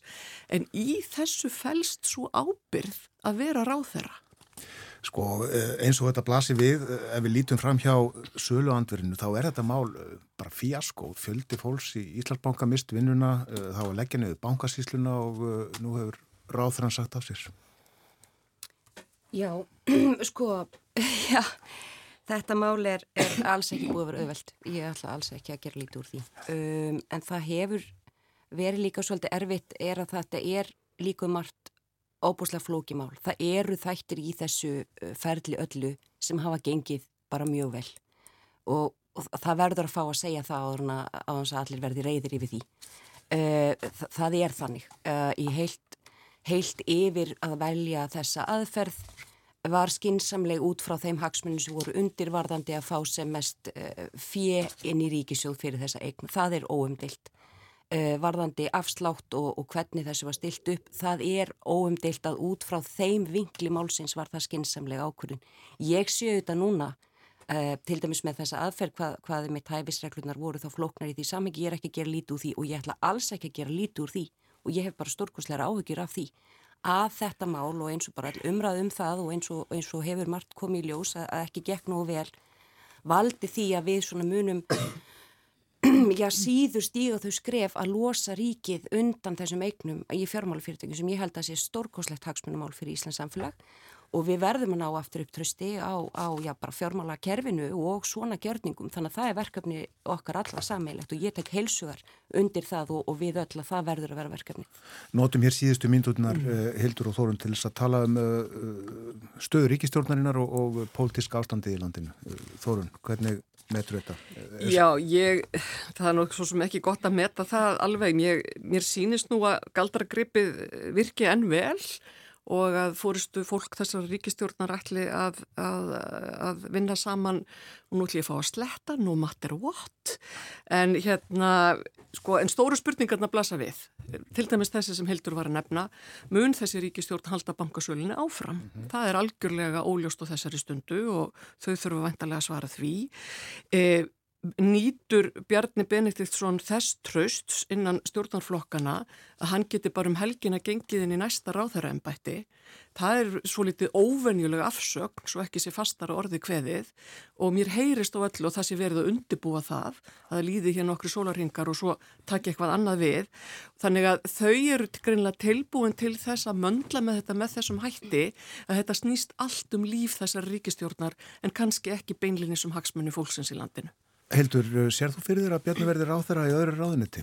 Sko ég heyri að, að, að stjórnaranstæðan er, er, er, er að gera lítið úr þessari að ger og mér finnst það ekki alveg maglegt. Ég get fullir það að, að þau skref Bjarni Benditsson að stíga út úr fjármarráðundinu hvar hann hefur setið í, í tíu ár og ég fullir því að hafi tekið mjög góðar samfélag, samfélagslegar ákvarðanir fyrir okkur öll.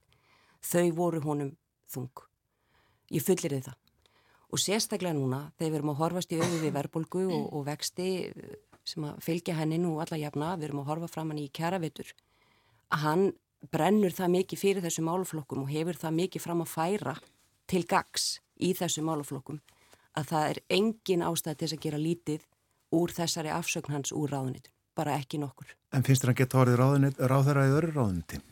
Mér þætti það alveg komið til greina, já. Uh, þetta er, þetta er samtal sem á sér ekki stað á, á, á mínu borði þannig að ég veit ekki hvað það er, hvað það er stað Nei. en mér þætti það ekki óðurlegt og, og ég var þá að fá að segja í ljósi málsins sko ég er, ég er stolt af, af Bjarnar fyrir hvernig hann held á sinni ákvörunni ger og hann er heiðalög með að hann er, er ósámála fórsöndum þessa álits sem er bara mjög lögfræðilega svona Já, já, þú veist, það, það má alveg ræðana, við skulum segja það, já, en, en það bara skipti máli að virða stofnanir hér í þessu landi og, og, og, og Bjarni sagði það, hann ætlaði að virða þessa ákvörðun, en við skulum halda það til haga að það er, það er ekkit búið að koma fram um að hann hafi á einhvern nátt gert eitthvað rátt, að eitthvað eitthvað mis, svona, eitthvað misfarist að örleiti nema að í þessum undirbúningi varan þess að flokna hægis. Pólitísk ábyrg snýst ekki um að fremja glæp. Ég er ekki að gera lítið. Pólitísk ábyrg snýst um það að axla eðlilega ábyrg og framkvæmt sem þú berð ábyrð á sem ráð þeirra og þess vegna var þetta fullkomlega eðlilegt að hann segði af sér.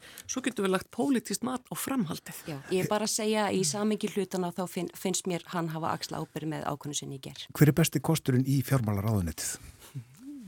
Við skulum nú bara sjá til. Ég hlustaði nú á, á mína kæru kollega hérna hjá ykkur áðan og sem að sagðu öll ef, ef okkar flokkar varum með öll ráðræðsætin þá er þetta nú frábært. Vist, ég ætla nú bara að svara eins. Ég held að skipti máli að sjálfstæðisflokkurinn haldi á, á fjármálaráðunitinu. En, en hérna... Og hver úr ykkar þingliði? Mm. þetta mun bara allt komið ljós. Þú hefur einhverja skoðun á þessu, einhverja hugmyndir? Já, ég, hérna, ég held að þau getur öll uh, haldið utan um, um þessi verkefni en, en hérna þetta er líka allt svona samhengi hlutana það kemur, það kemur margt til inn í, inn, í, inn í þessa skoðun, ég ætla að leiða mig bara að segja það. Já, við, já ef við ekki, ef við ekki að gera því skóna að, að hafinn sé þó nokkur valda barata innan ríkistjórnarinnar um það hvaða flokkur takkir við fjármálaráðanitinu Já, þú heldur það að þetta sé ekki e, allt saman fyrirfram ákveðið? Nei, það held ég ekki. Nei, þetta sé bara spilast. Og þú, þú getur hérna upplýst okkur um það, Hildur, að ég, það er þannig? Hlutir, hlutir gerðist mjög rætt í, mm. í gerðmorgun. Við, við sátum og horfum á blagamannafundin á, á bjarn okkar segja af sér og, og hérna það, það, það kom okkur á vort, okkur brá og þetta voru mikil vonbrið og, og svo er við bara að taka hverja klukkstund í einu og þannig er bara staðan. Við höfum stundum hugmyndir um það að það sé allt plottað í pólitíkinu og, og atbyrjar á sinn hönnu fyrirfram, það er ekki alltaf þannig. Ég held við séu það ofmetta hæfileika fólks til að plotta. Já, ég tek vendi það, við erum sammálum það. En uh, Þorun, ef við förum á svolítið hugaflug, heldur að, að uh, ríkistjórnir skipti með sér uh, verkum upp og nýtt? Og sko, það er ímislegt sem bendir til þess, finnst mér, og kannski er það aðalega svona bara mín pólitíska tilfinning sem segir mér það. Ég, við vitum öll að sæti fjármálar á þeirra eru þetta likil sæti í ríkistjórn, alveg sama hverjir sitja þar og ég hygg að Fransóknar menn hafi áhuga á því. Ég eh, ætla nú að gefa mér að Katrín Jakobsdóttir hafi vilja til þess að vera áfram fórsættisráð þeirra í þessari ríkistjórn. Þannig að ég, svona bara, og þetta er bara mínar hugsanir í beitinu útsendingu, mm. ég myndi ekki útilega að það erðu breytingar. Nei. Þakk ykkur fyrir að koma enga á morgunvaktina. Takk fyrir. Takk fyrir. Hildur Sverjesdóttir og Þórun Sveipirnadóttir. Og líkur nú um fjöllun morgunvaktarinnar, þennan morgunin um uh, afsökk Bjarnar Benditssonar og uh, þau mál öll. Já, við hleypum fréttastofunni að yfirleitt morgunfrétta næsta dagskráni og uh, svo ætlum við að ræðum það sem er efstópau í Danmörku. Borgþór Artgrímsson verði með okkur eftir nokkra mínútur.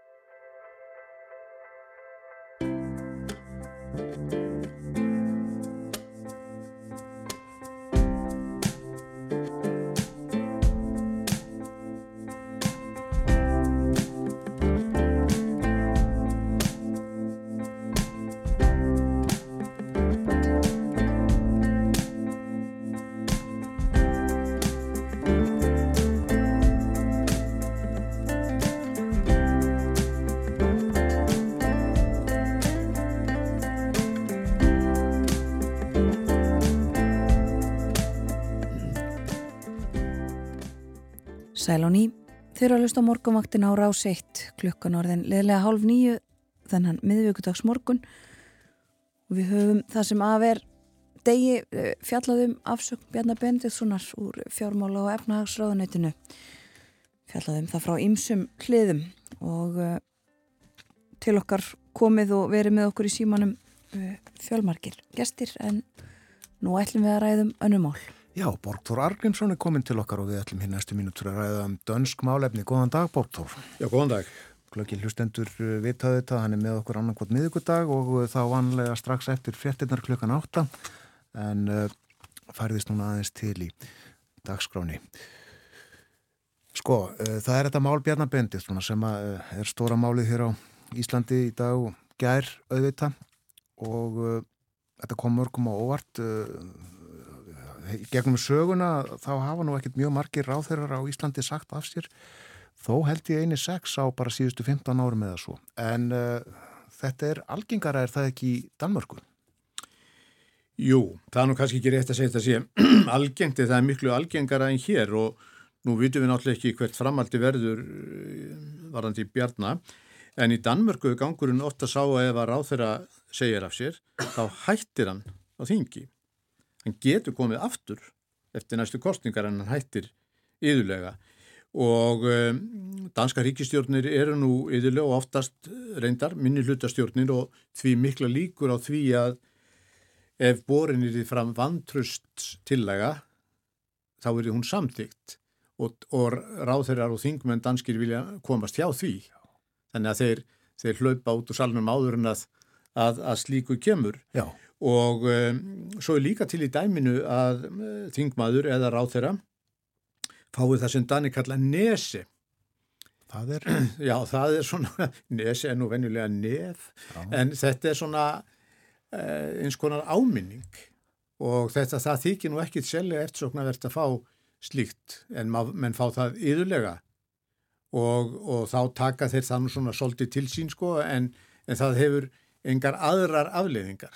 Það er uh, uh gullt spjald sem satt í pólitíkinu. Já, já, það má ég að segja að það sé svona gullt spjald. Já.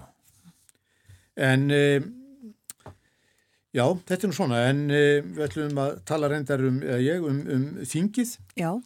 Uh, Fólkið danska það, þingið það var sett 3. oktober og þingsetning hún fer alltaf fram fyrsta þriðudag í oktober út af því er aldrei breytt. Byrjar með messu í kirkjunni við hlýðina á Kristjánsborgarhöll og svo arkamenn í þingsalinn.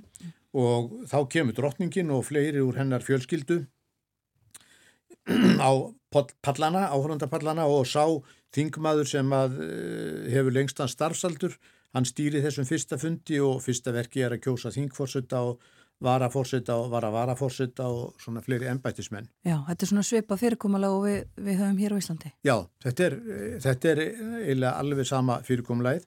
Svo, svo er aftur á móti það sem kemur svo öðruvísi, það er það að þarna flytur fórsættisáþurann ræðu. Það er kveðið á um það í dönsku stjórnarskáni að fórsættisáþurann skuli á þessum fyrsta fundi gera grein fyrir stöðumála og jafnframt að nefna, svona, nefna helstu áherslu atriði stjórnarinnar á komandi þingvetri mm. og þingmenn býða nú oft með eftirvæntingu eftir að vita hvað ráþurannum er efst í huga og, og, og nefnir svona. Ég horfið nú ekki á þingsetninguna en las ræðuna. Hún byrjaði, fannst mér mjög skemmtilega. Hvernig? Hún, hún byrjaði á því að nefna hlut, að svo metti Freyrisson, nefna hlut í þingsalnum sem allir hafa fyrir augunum en leiðar nú sjálfnast hugan að. Þetta er ræðustóllin. Stóllin er eh, settur saman með trétöppum, það er engin nagli. Það var ung kona, Anni Bertsen að nafni, sem var þá ný útskrifaðu smiður sem smíðaði ræðustólinn sem er úr eik og hún hefur greinlega verið mjög flink þessi kona. Hún smíðaði líka innréttingarnar í, og stóla í hús hæstaréttar í Danmörku og Mette Freyriksson, hún nefndi þessa konu og sagði hann að dæmi um danst handverk eins og það gerðist best, unnið með höndum og höfði eins og hún sagði og svo leytir á þeirra talið að kennslu og mikilvægi kennara og skólastarfsins. Mentamálu, þetta er stort mál í Danmarkunum. Já, já, nefnilega það og þetta tengist breytingun sem að stendur til að gera á skólakerfinu. Þetta var sem sagt eila fyrsta mál hjá henni í þessari ræðu. Já, uh, og hún heldur þessa ræðu, forsættis á þeirra, um, fara svo fram umræður um, um, um hana strax og eftir eða hvernig eru svo áttað? Nei, það er hefð fyrir því að þær umræður fari fram tveimundugum síðar og það er nú aldils betra fyrir þingmenn að vera vel útkvildir því að þessar umræður þá, það taka sko marga klukkutíma og farið um víðan völl og umræðunar í þetta skipti stóðu í 17 klukkutíma. Það og það kuð ekki vera einstæmi. Nei, uh, já og fariðum viðan völl, segir þau. Já, já, það er komið víða við. Þetta er nú í aðra röndina mjög langur skemmti þáttur því að þingmið láta gamming geisa og það er mikið hlegið yfirlega í þingsalnum og, og svona en auðvitað er þetta ekki tómt grín og það komi ljósað áhersla ráþeirans á mikilvægi kennarastarfsins í, í, í ræðunni, í settingaræðunni var ekki tilvíljum. Það hefur nefnilega komið fram að, að ríkistjórnin vil gera umtalsverða breytingar á grunnskólakerfinu. Og Mette Freyrisson sagði að það væru samtalsum fjögur þúsund atriði sem að skólum væri ætlað að framfylgja. Og af þessum fjögur þúsund atriðum væru eitt þúsund og eitt atriði sem að sko væri skilda annað væri kannski hugmyndir. Þetta verður nána kynnt í dag. Og það er nú þetta sitt hvað lekið út fyrst má nú kannski nefna það að skóladagur er verið stittur um sem svarar einni kjenslustund á dag. Og lengt skóladagsins er atrið sem mjög oft hefur verið rætt í, í Danmörku og núna er sem sagt búið að ákveða þetta með þessum hætti. Og annað atrið er að nefendur í tveimur efstu bekkjum grunnskólans þeim verður gert klift að stunda starfsnám af einhverju tægi tvo daga í viku Já. og tilgangurinn er að draga úr skóla leiða og um leið að opna augun nefnda fyrir þeim möguleikum sem að bjóðast fyrir utan þetta hefðbundna bóknám. Danir eiga svona við sama vanda að stríða og, og við höfum átt yfirlega hér að mikill meiri hluti nefnda sér ekki þannig fyrir sér en mentaskóla. Já, á auka vægi starfsnámsins. Já. Um, fer það fram innan skólans eða utan? Já, það er nú það. Þetta fer annarkort fram innan skólas eða í samstarfi við yðinskóla og stjórnin gerir ráð fyrir umtalsverðin fjármunum til að koma upp aðstöðu skólunum í þessu skinni. Svo er líka í þessum nýju tillögum sem verða kynnta núna einhvern tíma eftir eh, gert ráð fyrir því að skólanir fái auki frelsi í skipulagningu á skólastarfinu að sé ekki að sé dreyið úr þessari miðstýringu. En þetta kemur nú allt í ljós svona setna í dag. Já, og líklegt að Íslandst skólafólk fylgist vel með þessu. Mér er ekki það trúlegt. En hvað eh, fleira ætlar ríkistjórnum danska að gera? Það er náttúrulega margt annað og sko orka og orkuöflun er eilíðar mál hjá dönum eins og mörgum. Eftir að rússarnir riðust inn í Ukrænu þá gripu danir eins og margar aðra þjóðir til sparnaraðgerða og ráleikingarnir voru að lækka á opnunum og láti ekki ljósloga í öllum herbyggjum og ekki láta þvottavilarnar og þurkarana uh, glamra hálftómar og svo framvegis. Og Ríkistjónin hefur kynnt núna nýja orgu öflunar áætlun og í henni fælst að verða 32 svæði í landinu verið tekin undir vindmilur og, og, og sólarsellur. Þessi svæði eru á Jólandi og Sjálandi, samtals eru þetta 11.200 hektarar, las ég. Býstnamargir spaðar býstnamargir spaðar og, og margir, margir, margir, margar, sól, margar sólaselvu líka. Já, og uh, er stefna sem sagt svo að, að gera Danmörku óháða gasi? Til dæmis uh, þurfum við ekki að vestla gasa rúsum í framtíðin Já, já, það er, það er áætlunin og, og um, miða við það að Dani verði algjörlega sjálfur sér nógir á þessu sviði árið 2030 og áætlun stjórnarinn að miða líka að því að einfalda regluverkið í kringum þetta varðandi staðsetningu og vindmilum og sólasellum. Regluverkið er núna mjög flókið, menn að við geta kært þetta alveg út og söður og, og, og það gengur ekki neitt að koma inn á stað þó að það sé búið að ákveða. Svo er líka kveðið áum og það er nú eitt af því sem hefur verið deilt mikið um á undanförnum árum. Það er kveðið áum bætur, handa nágrönnum þessara mannvirkja sem að eh, verða fyrir ónæði og það verður sjálfsagt mælt einhvern veginn eh, hversu mikið ónæði það er, uppkaup á húsum og margt fleira þannig. Þannig að þetta er mjög yfirgrips mikið, mikið láætlun sem þarna er búið að setja sem sagt eða á að setja í gang. Já, það er býstna mikil háaðið frá þessum vindmennum. Já, óþægilegur, þó þó hann er nefnilega lindur háfaði, ef það svo má segja, hann Já. virðist ekki vera mjög mikill en er mjög áreitin. Já, það eru fyrir eh, margar vindmilur eh, í Danmörku, þetta er mikið deilumál hér á Íslandi núna en, en eh, er talið að sé meirluti á danska þinginu fyrir því að ráðast í þessar umfangsmiklu aðgerðir? Já, allavega samþýtti þingið álektum þess efnis í fyrra að fara þessa leið í orkumálum og að því skuli lokið á, á næstu sjö árum. Þetta fenn alltaf núna til meðferðar í þinginu og á næstu vikum og það er alveg augljóst að, að e, þessir hektara sem að þarna var, voru nefndir áðan um, 11.200 það, það dugar enga veginn til. Að þessum svæðum verður fjölgað. Ég tók eftir því, ég sá nú kort yfir þessa staði það sem á að setja þetta upp eða sem er í áallunni það er ekki einasti staður á fjóni. Ég til nú víst að það komi nú það komi nú líka til setna og líka eigarnar fyrir sunnan sjáland Já, en þetta er áallunni á sem nær til sjö ára og þá slá í kláringreinilega Já, það, já og það Það má nú eh, nefna það eh, í sambandi við orkusbarnaðin sem við myndist nú á, hérna áðan að í, í fyrra þá voru gefin út fyrirmæli um að hýtasti á vinnustöðum eins ofinbera skildi ekki fara yfir 19 gráður. Alveg. Fólki var álægt að mæta til vinnu í hlýjum, fatnaði og síðum, síðum hérna nærbúsum og, og, og öllapeisum. Já, þurftið að gera það, 19 gráður það er nú ekki, ekki beinlinnins kallt, það er úrvalsumardagur í Íslandi. Já, það er svo sem ekki kallt en á vinnustaf með, með kyrsetum þá er það nú ekki þægilegt sko, fjölmiðlega byrtu myndir af skrifstofólki með í lópapeisum og, og með öllarhúur. Það var svo liðis, já, já. lambúsettur kannski Nei Vant að vera kallt á kynunum Ég sá allavega enga myndir af fólki með, með hérna ambúsettur sem heita elefanthúi á dönsku. Ég sá nú enga slíka myndir. Nei. Mér langar nú að nefna svona, framhaldi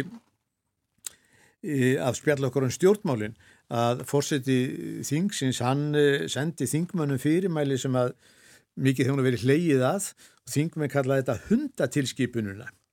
Já og hann sæst að fengið kvartani vegna lausagöngu hunda í þinghúsinu. Í þinghúsinu? Já, og slíkt er algjörlega bannað. Þingmenn meiga koma með seppana með sér í vinnuna en þeir, sepparnir sér satt, meiga engöngu vera á kontor viðkomandi þingmanns og svo í bandi þegar þeir koma og fara. Fórsiti sagði að ef að brauð yrðu að því að hundar væri að þvælast á göngunum þá er þið bara allt hundahald bannað í húsinu. Ekstrablaði saði nefnilega frá því í sumar að, að hundaskýtur hefði fundist á einum af göngum þinghúsins. Engin kannast nú við að vita deili á þeirri afurð og, og hvernig hún eh, var tilkomin en þingmenn hafa nú heldur skemmt sitt aldrei yfir þessu. En eh, lausaganga hunda í Kristjánsborgar höll sem satt stránglega bönnuð. Já, stránglega bönnuð. Það eru þetta mörg önnu mál sem að, sem að koma núna til kastaþingsins og, og Þetta verður eins og ég sagði þessar áætlanir allast hvaða var hverja á að hleypi framkvæmt það, það er koma fram núna í dag, gerir ráð fyrir allar. Já, ríkistjórnir eh, allstaðar alltaf uh, að glímaði erfið mál. Já, það má nú með sanni segja. Stór og mikil. Stór og mikil. Egu við bóltur að uh, hlusta svolítið tónlist? Já, já. Lægið sem að á að heyrast núna rétt bráðum. Það heitir Ég elska Kundai það fjalla nú ekki um ástir þingumann á hundar endar annars konar ástir og lagið og texti er eftir Flemming Bamse Jörgensen sem alltaf hann kallaði Bamse. Við höfum nú hýrt í honum áður hérna. Einmitt. hann lést 2011 og var, var uh, mikil eh, eftir sjáað honum. Hann var svona mjög, þessi danni kalla fólkikir mjög vinsæl meðal almennings og, og og hafði eins og heyrist nú í þessu lagi mjög breytt ratsvið Já. og var einst mjög vinsæl. Naut líðhylli á uh, sinni tíð og uh, er enn leikinu þetta. Já, já, já, já, já, já. Hlustum á hann. Kæra þakki fyrir að vera með okkur á morgumaktinni í dag, Borgþór Argrímsson. Já, takk sem leiðis.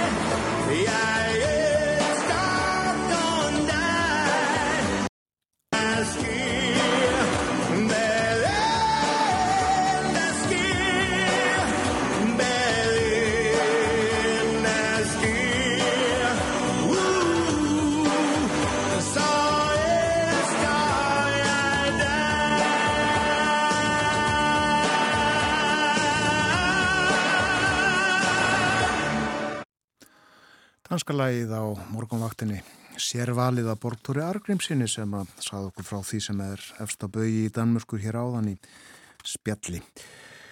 Bamse, ég elska þig, söngan. En uh, við höfum talað svolítið um stjórnmálinn í dag. Við sjáum í dagbók að uh, í dag eru liðin 35 ár frá því að uh, fyrsta sinn kona var kjörinn fórseti Saminnas Alþingis. Það var Guðrún Helgadóttir.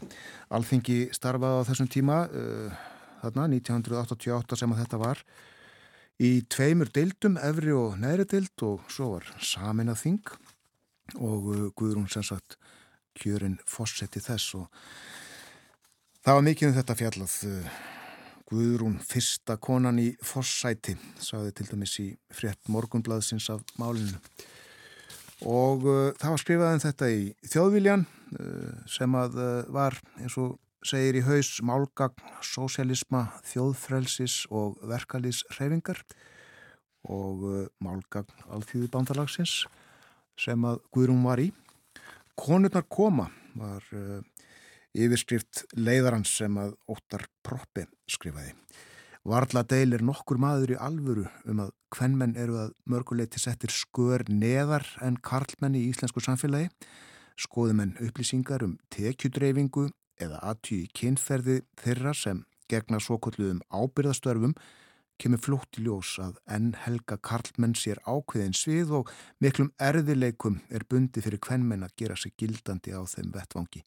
Niðurstöður úr slíkri aðtugun hafa komið sumum til að halda að mismunun eftir kynferði sé grunnmúruð í samfélagsgerð okkar. Þetta á að sjálfsögðu aðeins við um meðaltalstölur og það er sem betur fyrir und að benda á kvennmenn sem brotið hafa múrana, hafnað gömlum fordómum og sínt í verki að forræði karlmanna er byggt á úreldum hugmyndum. Íslenski kvennmenn hafa líklega aldrei fyrr verið eins ákveðnir að breyta þjóðfélaginu. Krafan um jafnrétti kynjana mætir reyndar ekki teljandi ofinburum andróðri en margir draga lappirnar í þeim efnum. Upphafið að leiðrann í þjóðviljanum á þeim tímamótum sem að urðu 11. Uh, oktober 1988 að uh, kona var í fyrsta sinn orðin fósetti Saminas alþingis. Og aðeins að störfum alþingis í dag 11. oktober 2023. Það eh, er þingfundur á dagskráni setnipartin í dag, hann hefst klukkan þrjú en áður en að honum kemur þá eru fundir í hinnum ýmsu nefndum og eh, eins og við heyrðum líka áðan frá þingflokksformunum þá funda þingflokkarnir áður en að þingfundur hefst en það eru fundur í fjárlaga fjárlaga að fjalla um fjárlaga frumvorfi þessa dagana. Í stjórnskipunar og eftirlitsnemnd verður fjallað um uh, skipun rannsóknanemndar vegna snjóflóðsins í Súðavík ára 1995. Koma gestir fyrir nemndina í dag varðandi þetta mál líka um skýrslega ríkisendurskoðunar um eftirlit með fiskistofu. Og svo er það uh, stopnun, mannrettindastofnunar Ísland sem er komin til umfjöldunar í stjórnskipunar og eftirlitsnemnd.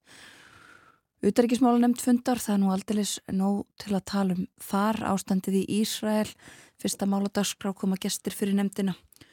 Um, svo verður fjallaðum starfsemi sendiskrifstofa og tvær reglugerðir frá Evrópusambandinu til umfyllunar. Velferðarnemnd heimsækir sjúkratryggingar Íslands og uh, svo sem fyrir segir er þingfundur klukkan þrjú, eh, fyrsta mál á dagskrá störf þingsins eh, viðbúið að þar verði áframfjallaðum mál Bjarnar Benditssonar eins og var í gær í, við upphaf þingfundar. Já, það er mjög líklegt. Þau mál hlemmið til umfjöldunar hér í stórun hluta þáttar eins þennan morgunin. Til okkar kom uh, hálfur þinghefur, nei, ekki það nú, uh, hér voru fjórir þingmenn, uh, þrýr formenn þingflokka, þau voru hér Ingi Björg Ísaksen, þingflokksformaður Framsóknarflokksins, Orri Páll Jóhansson, þingflokksformaður Vinstri Græna, Hildur Sveristóttir, þingflokksformaður Sjálfstæðisflokksins og Þórun Sveinbjarnadóttir, þingmaður samfélkingarinnar og formaður stjórnskipunar og eftirlitsnefndar. Við eh, rættum þessi mál uh, líka við Henry Alexander Henriksson, heimspekking og uh, snemma í morgun var hjá okkur Trösti Fannar Valsson, dósend í stjórnsýslurétti við lagadilt Háskóla Íslands sem að uh, útskýrði á mannamáli má segja álit umbóðsmann sem að byrt var ofinbillega í gær. Það fór ekki vel hjá uh, Val í gær í fókbóltanum. Valstelpunar spiluðu við Sankti Pölten frá Östuríki í forkeppni, reyðlakeppni mestradildakvenna í fókbólta og þær austurísku unnu 4-0. Leita ágætlega út í fyrirháleik, eh, þær austurísku komust yfir á 13. mínútu og þetta var svona í hjárnu meirið að minna en á 10 mínuna kaplaði síðari háleik skoruðu þar þrjú mörg og unnu, já, 4-0, eh, setni leikurinn eitra á miðugudaginu næstu viku.